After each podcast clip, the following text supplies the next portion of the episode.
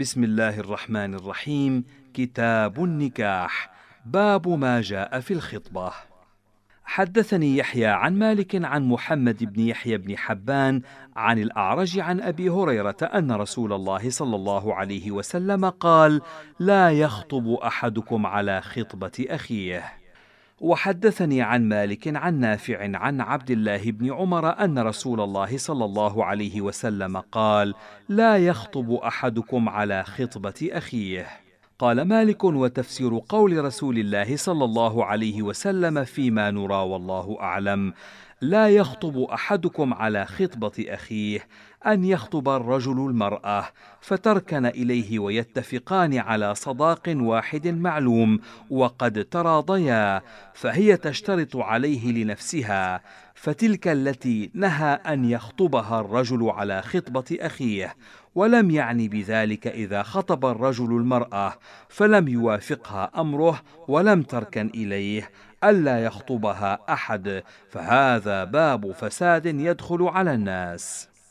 وحدثني عن مالك عن عبد الرحمن بن القاسم عن أبيه أنه كان يقول في قول الله تبارك وتعالى ولا جناح عليكم فيما عرضتم به من خطبة النساء أو أكننتم في أنفسكم علم الله أنكم ستذكرونهن ولكن لا تواعدوهن سرا إلا أن تقولوا قولا معروفا أن يقول الرجل للمرأة وهي في عدتها من وفاة زوجها إنك علي لكريمة وإني فيك لراغب وإن الله لسائق إليك خيرا ورزقا ونحو هذا من القول. باب استئذان البكر والأيم في أنفسهما. حدثني عن مالك عن عبد الله بن الفضل عن نافع بن جبير بن مطعم عن عبد الله بن عباس أن رسول الله صلى الله عليه وسلم قال الأيم أحق بنفسها من وليها والبكر تستأذن في نفسها وإذنها صماتها. وحدثني عن مالك أنه بلغه عن سعيد بن المسيب أنه قال قال عمر بن الخطاب لا تنكح المرأة إلا بإذن وليها أو ذي الرأي من أهلها أو السلطان. وحدثني عن مالك أنه بلغه أن القاسم بن محمد وسالم بن عبد الله كانا ينكحان بناتهما الأبكار ولا يستأمرانهن. قال مالك وذلك الأمر عندنا في نكاح الأبكار. قال مالك وليس للبكر جواز في مالها حتى تدخل بيتها ويعرف من حالها. وحدثني عن مالك أنه بلغه أن القاسم بن محمد وسالم بن عبد الله وسليمان بن يسار كانوا يقولون في البكر يزوجها أبوها بغير إذنها إن ذلك لازم لها.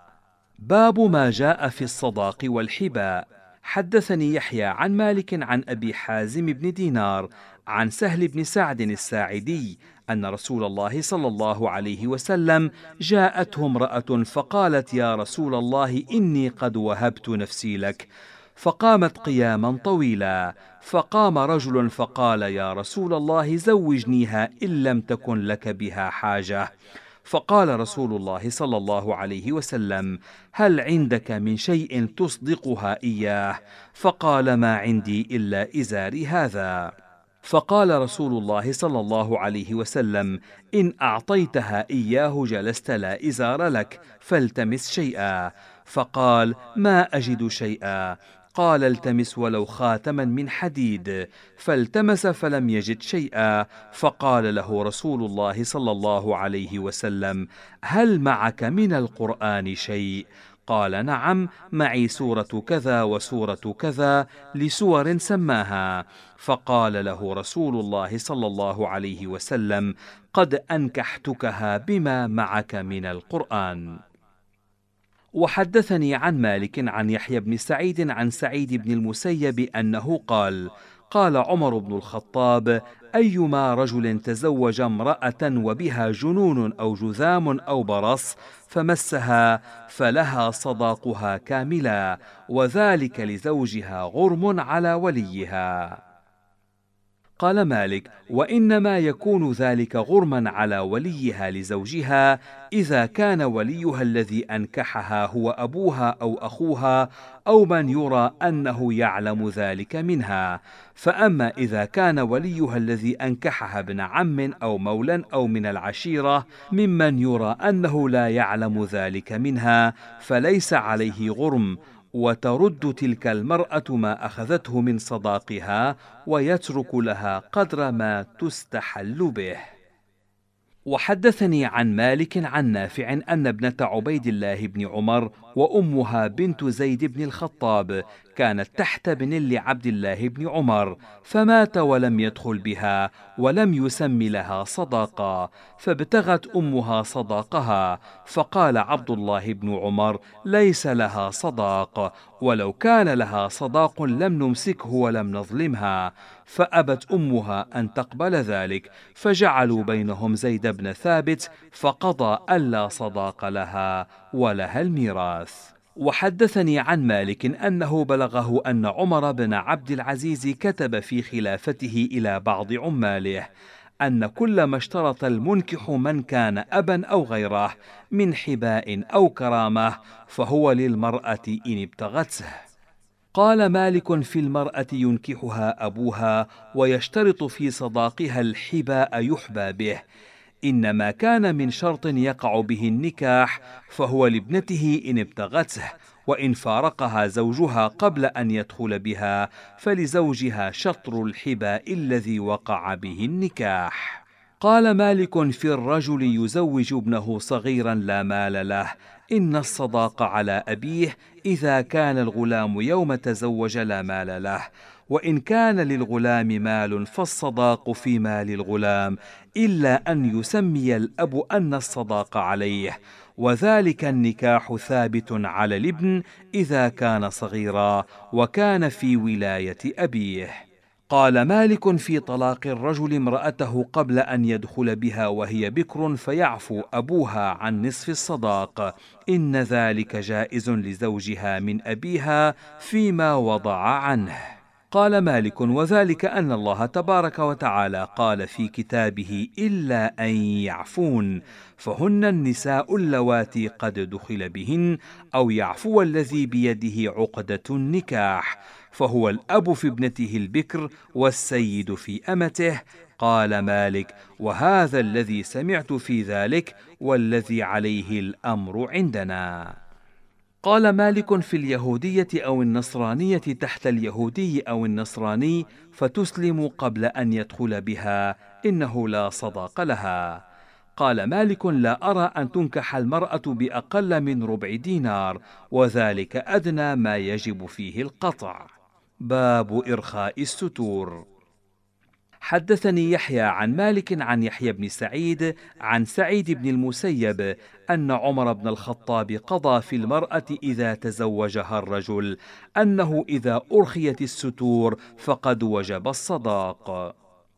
وحدثني عن مالك عن ابن شهاب أن زيد بن ثابت كان يقول إذا دخل الرجل بامرأته فأرخيت عليهما الستور فقد وجب الصداق. وحدثني عن مالك أنه بلغه أن سعيد بن المسيب كان يقول إذا دخل الرجل بالمرأة في بيتها صدق الرجل عليها وإذا دخلت عليه في بيته صدقت عليه.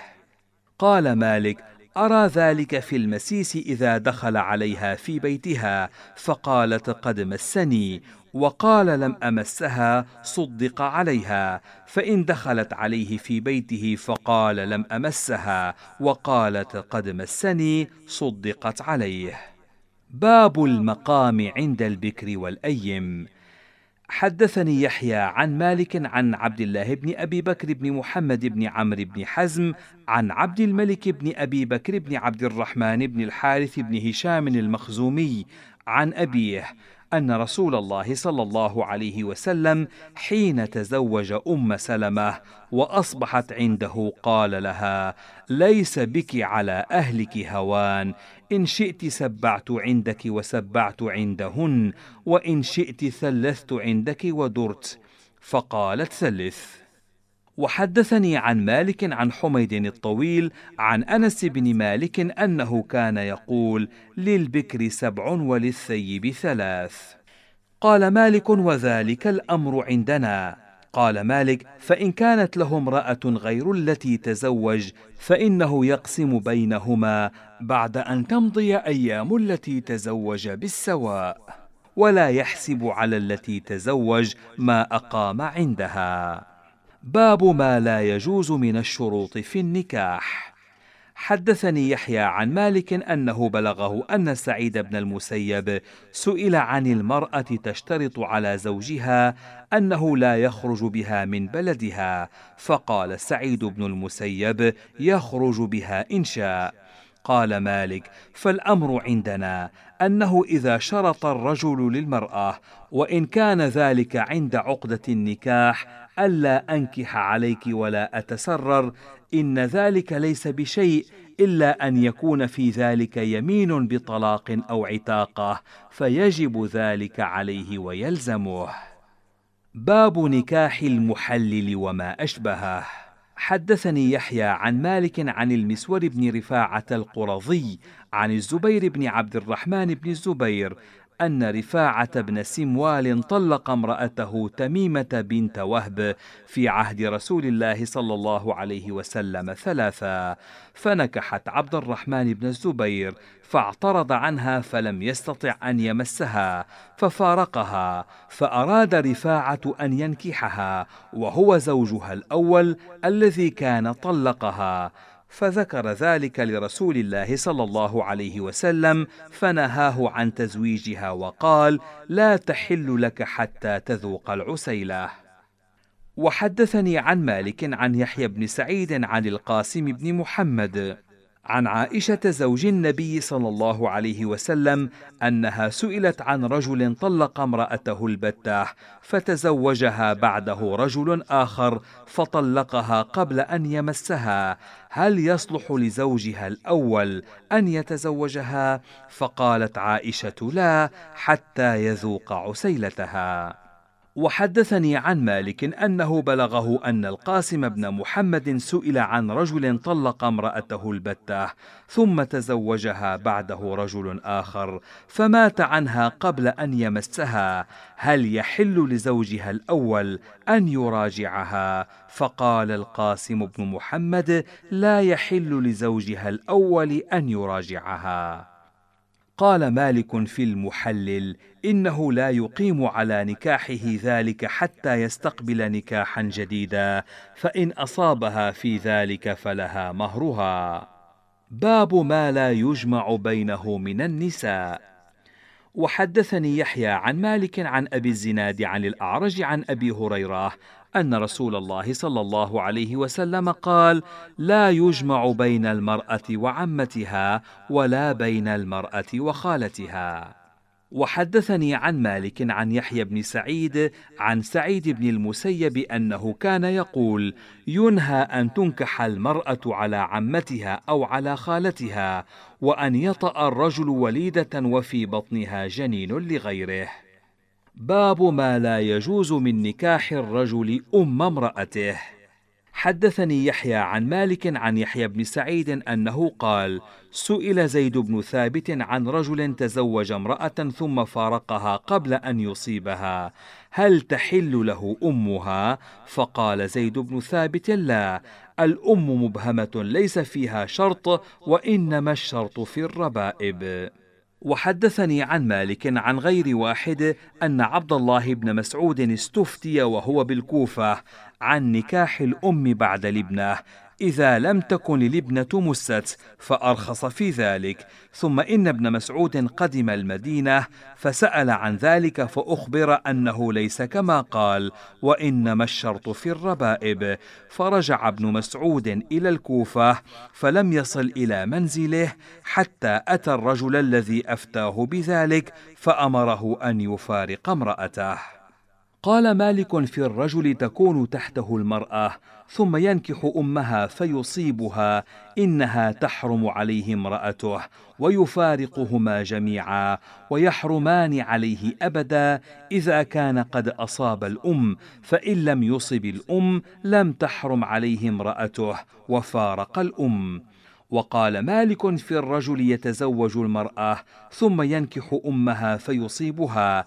إنه لا تحل له أمها أبدا ولا تحل لأبيه ولا لابنه ولا تحل له ابنتها وتحرم عليه امرأته. قال مالك فأما الزنا فإنه لا يحرم شيئا من ذلك لأن الله تبارك وتعالى قال وأمهات نسائكم فإنما حرم ما كان تزويجا ولم يذكر تحريم الزنا. فكل تزويج كان على وجه الحلال يصيب صاحبه امرأته فهو بمنزلة التزويج الحلال. فهذا الذي سمعت والذي عليه أمر الناس عندنا. باب نكاح الرجل أم امرأة قد أصابها على وجه ما يكره. قال مالك في الرجل يزني بالمرأة فيقام عليه الحد فيها إنه ينكح ابنتها وينكحها ابنه إن شاء وذلك أنه أصابها حراما وإنما الذي حرم الله ما أصيب بالحلال أو على وجه الشبهة بالنكاح قال الله تبارك وتعالى ولا تنكحوا ما نكح آباؤكم من النساء. قال مالك فلو أن رجلا نكح امرأة في عدتها نكاحا حلالا فأصابها حرمت على ابنه أن يتزوجها. وذلك أن أباه نكحها على وجه الحلال لا يقام عليه فيه الحد ويلحق به الولد الذي يولد فيه بأبيه. وكما حرمت على ابنه أن يتزوجها حين تزوجها أبوه في عدتها وأصابها فكذلك يحرم على الأب ابنتها إذا هو أصاب أمها. باب جامع ما لا يجوز من النكاح. حدثني يحيى عن مالك عن نافع عن عبد الله بن عمر أن رسول الله صلى الله عليه وسلم نهى عن الشغار والشغار أن يزوج الرجل ابنته على أن يزوجه الآخر ابنته ليس بينهما صداق. وحدثني عن مالك عن عبد الرحمن بن القاسم عن أبيه عن عبد الرحمن ومجمع بن يزيد بن جارية الأنصاري عن خنساء بنت خدام الأنصارية أن أباها زوجها وهي ثيب فكرهت ذلك فأتت رسول الله صلى الله عليه وسلم فرد نكاحه. وحدثني عن مالك عن أبي الزبير المكي أن عمر بن الخطاب أتي بنكاح لم يشهد عليه إلا رجل وامرأة فقال هذا نكاح السر ولا أجيزه ولو كنت تقدمت فيه لرجمت. وحدثني عن مالك عن ابن شهاب عن سعيد بن المسيب وعن سليمان بن يسار أن طليحة الأسدية كانت تحت رشيد الثقفي فطلقها فنكحت في عدتها فضربها عمر بن الخطاب وضرب زوجها بالمخفقة ضربات وفرق بينهما ثم قال عمر بن الخطاب أيما امرأة نكحت في عدتها فإن كان زوجها الذي تزوجها لم يدخل بها فرق بينهما ثم اعتدت بقية عدتها من زوجها الأول ثم كان الآخر خاطبا من الخطاب وإن كان دخل بها فرق بينهما ثم اعتدت بقية عدتها من الأول ثم اعتدت من الآخر ثم لا يجتمعان أبدا. قال مالك وقال سعيد بن المسيب ولها مهرها بما استحل منها. قال مالك الأمر عندنا في المرأة الحرة يتوفى عنها زوجها فتعتد أربعة أشهر وعشرا إنها لا تنكح إن ارتابت من حيضتها حتى تستبرئ نفسها من تلك الريبة إذا خافت الحمل. باب نكاح الأمة على الحرة. حدثني يحيى عن مالك أنه بلغه أن عبد الله بن عباس وعبد الله بن عمر سئلا عن رجل كانت تحته امرأة حرة فأراد أن ينكح عليها أمه فكره أن يجمع بينهما. وحدثني عن مالك عن يحيى بن سعيد عن سعيد بن المسيب أنه كان يقول لا تنكح الأمة على الحرة إلا أن تشاء الحرة فإن طاعت الحرة فلها الثلثان من القسم. قال مالك ولا ينبغي لحر أن يتزوج أمة وهو يجد طولا لحرة ولا يتزوج أمة إذا لم يجد طولا لحرة إلا أن يخشى العنت وذلك أن الله تبارك وتعالى قال في كتابه ومن لم يستطع منكم طولا أن ينكح المحصنات المؤمنات فمما ملكت أيمانكم من فتياتكم المؤمنات. وقال ذلك لمن خشي العنة منكم. قال مالك والعنة هو الزنا. باب ما جاء في الرجل يملك امرأته وقد كانت تحته ففارقها. حدثني يحيى عن مالك عن ابن شهاب عن أبي عبد الرحمن عن زيد بن ثابت أنه كان يقول في الرجل يطلق الأمة ثلاثا ثم يشتريها إنها لا تحل له حتى تنكح زوجا غيره. وحدثني عن مالك أنه بلغه أن سعيد بن المسيب وسليمان بن يسار سئلا عن رجل زوج عبدا له جارية فطلقها العبد البتة ثم وهبها سيدها له فهل تحل له بملك اليمين؟ فقال لا تحل له حتى تنكح زوجا غيره. وحدثني عن مالك أنه سأل ابن شهاب عن رجل كانت تحته أمة مملوكة فاشتراها وقد كان طلقها واحدة فقال تحل له بملك يمينه ما لم يبت طلاقها فإن بت طلاقها فلا تحل له بملك يمينه حتى تنكح زوجا غيره.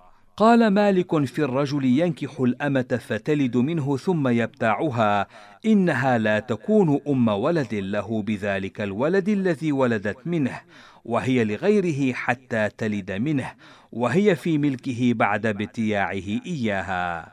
قال مالك وإن اشتراها وهي حامل منه ثم وضعت عنده كانت أم ولده بذلك الحمل فيما نرى والله أعلم. باب ما جاء في كراهية إصابة الأختين بملك اليمين والمرأة وابنتها. حدثني يحيى عن مالك عن ابن شهاب عن عبيد الله بن عبد الله بن عتبة بن مسعود عن أبيه أن عمر بن الخطاب سئل عن المرأة وابنتها من ملك اليمين توطأ إحداهما بعد الأخرى. فقال عمر ما أحب أن أخبرهما جميعا. ونهى عن ذلك.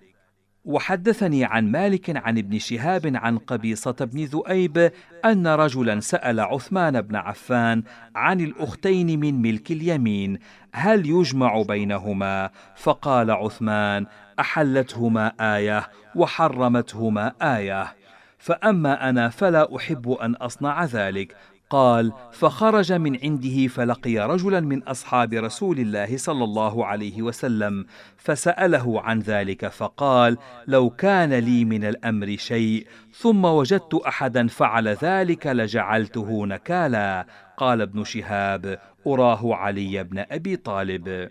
وحدثني عن مالك أنه بلغه عن الزبير بن العوام مثل ذلك. قال مالك في الأمة تكون عند الرجل فيصيبها ثم يريد أن يصيب أختها إنها لا تحل له حتى يحرم عليه فرج أختها بنكاح أو عتاقة أو كتابة أو ما أشبه ذلك يزوجها عبده أو غير عبده. باب النهي عن أن يصيب الرجل أمة كانت لأبيه.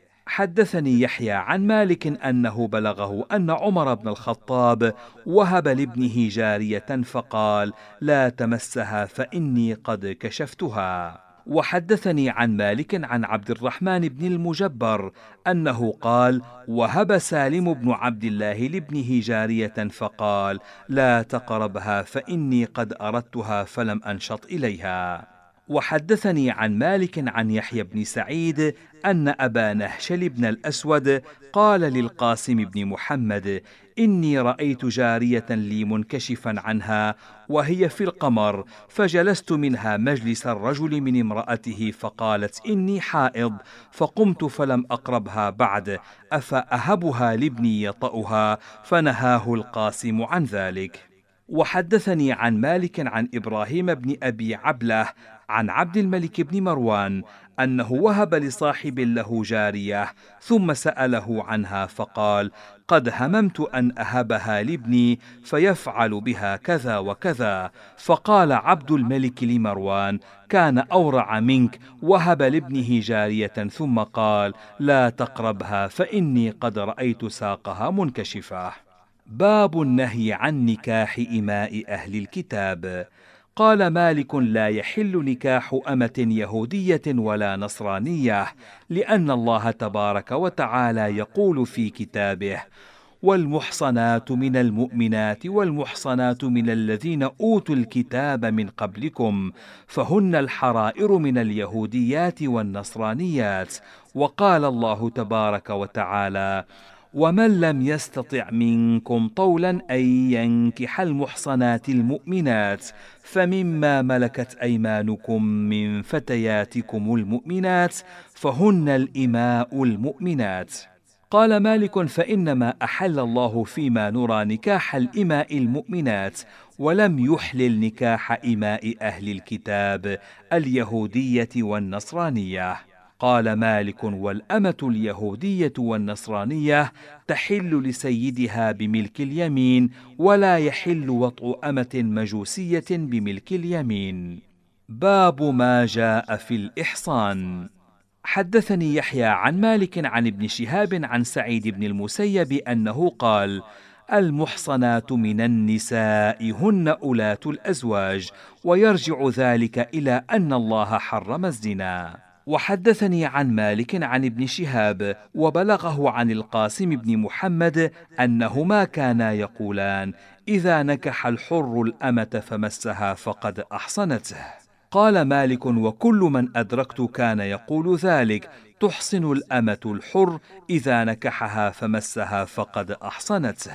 قال مالك يحصن العبد الحرة إذا مسها بنكاح ولا تحصن الحرة العبد إلا أن يعتق وهو زوجها فيمسها بعد عتقه فإن فارقها قبل أن يعتق فليس بمحصن حتى يتزوج بعد عتقه ويمس امرأته. قال مالك والأمة إذا كانت تحت الحر ثم فارقها قبل أن تعتق فإنه لا يحصنها نكاحه إياها وهي أمة حتى تنكح بعد عتقها ويصيبها زوجها فذلك إحصانها. والأمة إذا كانت تحت الحر فتعتق وهي تحته قبل أن يفارقها. فإنه يحصنها إذا عتقت وهي عنده إذا هو أصابها بعد أن تعتق. وقال مالك والحرة النصرانية واليهودية والأمة المسلمة يحصن الحر المسلم إذا نكح إحداهن فأصابها. باب نكاح المتعة. حدثني يحيى عن مالك عن ابن شهاب عن عبد الله والحسن بني محمد بن علي بن أبي طالب عن أبيهما عن علي بن أبي طالب رضي الله عنه أن رسول الله صلى الله عليه وسلم نهى عن متعة النساء يوم خيبر وعن أكل لحوم الحمر الإنسية. وحدثني عن مالك عن ابن شهاب عن عروة بن الزبير أن خولة بنت حكيم دخلت على عمر بن الخطاب فقالت إن ربيعة بن أمية استمتع بامرأة فحملت منه فخرج عمر بن الخطاب فزعا يجر رداءه فقال هذه المتعة ولو كنت تقدمت فيها لرجمت. باب نكاح العبيد. حدثني يحيى عن مالك أنه سمع ربيعة بن أبي عبد الرحمن يقول ينكح العبد أربع نسوة. قال مالك وهذا أحسن ما سمعت في ذلك. قال مالك والعبد مخالف للمحلل إن أذن له سيده ثبت نكاحه وإن لم يأذن له سيده فرق بينهما والمحلل يفرق بينهما على كل حال إذا أريد بالنكاح التحليل. قال مالك في العبد إذا ملكته امرأته أو الزوج يملك امرأته إن ملك كل واحد منهما صاحباه يكون فسخا بغير طلاق وإن تراجعا بنكاح بعد لم تكن تلك الفرقة طلاقا. قال مالك والعبد إذا أعتقته امرأته إذا ملكته وهي في عدة منه لم يتراجعا إلا بنكاح جديد. باب نكاح المشرك إذا أسلمت زوجته قبله. حدثني عن مالك عن ابن شهاب أنه بلغه أن نساء كن في عهد رسول الله صلى الله عليه وسلم يسلمن بأرضهن وهن غير مهاجرات وأزواجهن حين أسلمن كفار منهن بنت الوليد بن المغيرة وكانت تحت صفوان بن أمية فأسلمت يوم الفتح وهرب زوجها صفوان بن أمية من الإسلام.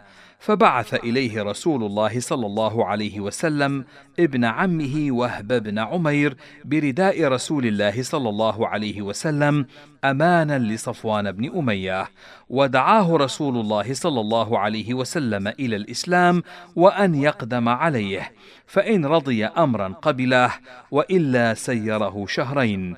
فلما قدم صفوان على رسول الله صلى الله عليه وسلم بردائه ناداه على رؤوس الناس فقال يا محمد إن هذا وهب بن عمير جاءني بردائك وزعم أنك دعوتني إلى القدوم عليك فإن رضيت امرا قبلته وإلا سيرتني شهرين. فقال رسول الله صلى الله عليه وسلم انزل أبا وهب. فقال لا والله لا أنزل حتى تبين لي. فقال رسول الله صلى الله عليه وسلم بل لك تسير أربعة أشهر. فخرج رسول الله صلى الله عليه وسلم قبل هوازن بحنين فأرسل إلى صفوان بن أمية يستعيره أداة وسلاحا عنده. فقال صفوان اطوعا أم كرها؟ فقال بل طوعا. فأعاره والسلاح الذي عنده. ثم خرج صفوان مع رسول الله صلى الله عليه وسلم وهو كافر. فشهد حنينا والطائف وهو كافر وامرأته مسلمة. ولم يفرق رسول الله صلى الله عليه وسلم بينه وبين امرأته حتى أسلم صفوان واستقرت عنده امرأته بذلك النكاح. وحدثني عن مالك عن ابن شهاب أنه قال كان بين إسلام صفوان وبين إسلام امرأته نحو من شهر. قال ابن شهاب ولم يبلغنا أن امرأة هاجرت إلى الله ورسوله وزوجها كافر مقيم بدار الكفر إلا فرقت هجرتها بينها وبين زوجها إلا أن يقدم زوجها مهاجرا قبل أن تنقضي عدتها. وحدثني عن مالك عن ابن شهاب أن أم حكيم بنت الحارث بن هشام وكانت تحت عكرمة بن أبي جهل فأسلمت يوم الفتح وهرب زوجها عكرمة بن أبي جهل من الإسلام حتى قدم اليمن فارتحلت أم حكيم حتى قدمت عليه باليمن فدعته إلى الإسلام فأسلم وقدم على رسول الله صلى الله عليه وسلم عام الفتح فلما رآه رسول الله صلى الله عليه وسلم وثب إليه فرحا وما عليه رداء حتى بايعه فثبتا على نكاحهما ذلك. قال مالك وإذا أسلم الرجل قبل امرأته وقعت الفرقة بينهما إذا عرض عليها الإسلام فلم تسلم لأن الله تبارك وتعالى يقول في كتابه ولا تمسكوا بعصم الكوافر باب ما جاء في الوليمة. وحدثني يحيى عن مالك عن حميد الطويل عن أنس بن مالك أن عبد الرحمن بن عوف جاء إلى رسول الله صلى الله عليه وسلم وبه أثر صفره فسأله رسول الله صلى الله عليه وسلم فأخبره أنه تزوج. فقال له رسول الله صلى الله عليه وسلم كم سقت إليها؟ فقال زنة نواة من ذهب. فقال له رسول الله صلى الله عليه وسلم أولم ولو بشاه. وحدثني عن مالك عن يحيى بن سعيد أنه قال لقد بلغني أن رسول الله صلى الله عليه وسلم كان يولم بالوليمة ما فيها خبز ولا لحم. وحدثني عن مالك عن نافع عن عبد الله بن عمر أن رسول الله صلى الله عليه وسلم قال إذا دعي أحدكم إلى وليمة فليأتها. وحدثني عن مالك عن ابن شهاب عن الأعرج عن أبي هريرة أنه كان يقول شر الطعام طعام الوليمة يدعى لها الأغنياء ويترك المساكين ومن لم يأت الدعوة فقد عصى الله ورسوله. وحدثني عن مالك عن إسحاق بن عبد الله بن أبي طلحة أنه سمع أنس بن مالك يقول إن خياطا دعا رسول الله صلى الله عليه وسلم لطعام صنعه قال أنس فذهبت مع رسول الله صلى الله عليه وسلم إلى ذلك الطعام فقرب إليه خبزا من شعير ومرقا فيه دباء. قال أنس فرأيت رسول الله صلى الله عليه وسلم يتتبع الدباء من حول القصعة فلم أزل أحب الدباء بعد ذلك اليوم. باب جامع النكاح. حدثني يحيى عن مالك عن زيد بن أسلم أن رسول الله صلى الله عليه وسلم قال إذا تزوج أحدكم المرأة أو اشترى الجارية فليأخذ بناصيتها وليدع بالبركة. وإذا اشترى البعير فليأخذ بذروة سنامه وليستعذ بالله من الشيطان. وحدثني عن مالك عن أبي الزبير المكي أن رجلا خطب إلى رجل اخته فذكر أنها قد كانت أحدثت فبلغ ذلك عمر بن الخطاب فضربه أو كاد يضربه ثم قال ما لك وللخبر؟ وحدثني عن مالك عن ربيعة بن أبي عبد الرحمن أن القاسم بن محمد وعروة بن الزبير كانا يقولان في الرجل يكون عنده أربع نسوة فيطلق إحداهن البتة. أنه يتزوج إن شاء ولا ينتظر أن تنقضي عدتها. وحدثني عن مالك عن ربيعة بن أبي عبد الرحمن أن القاسم بن محمد وعروة بن الزبير أفتيا الوليد بن عبد الملك عام قدم المدينة بذلك غير أن القاسم بن محمد قال طلقها في مجالس شتى. وحدثني عن مالك عن يحيى بن سعيد عن سعيد بن المسيب أنه قال ثلاث ليس فيهن لعب النكاح والطلاق والعتق. وحدثني عن مالك عن ابن شهاب عن رافع بن خديج أنه تزوج بنت محمد بن مسلمة الأنصاري فكانت عنده حتى كبرت فتزوج عليها فتاة شابة. فآثر الشابة عليها فناشدته الطلاق فطلقها واحدة ثم أمهلها حتى إذا كادت تحل راجعها ثم عاد فآثر الشابة فناشدته الطلاق فطلقها واحدة ثم راجعها ثم عاد فآثر الشابة. فناشدته الطلاق فقال ما شئت إنما بقيت واحدة فإن شئت استقررت على ما ترين من الأثرة وإن شئت فارقتك. قالت بل أستقر على الأثرة فأمسكها على ذلك ولم ير رافع عليه إثما حين قرت عنده على الأثرة.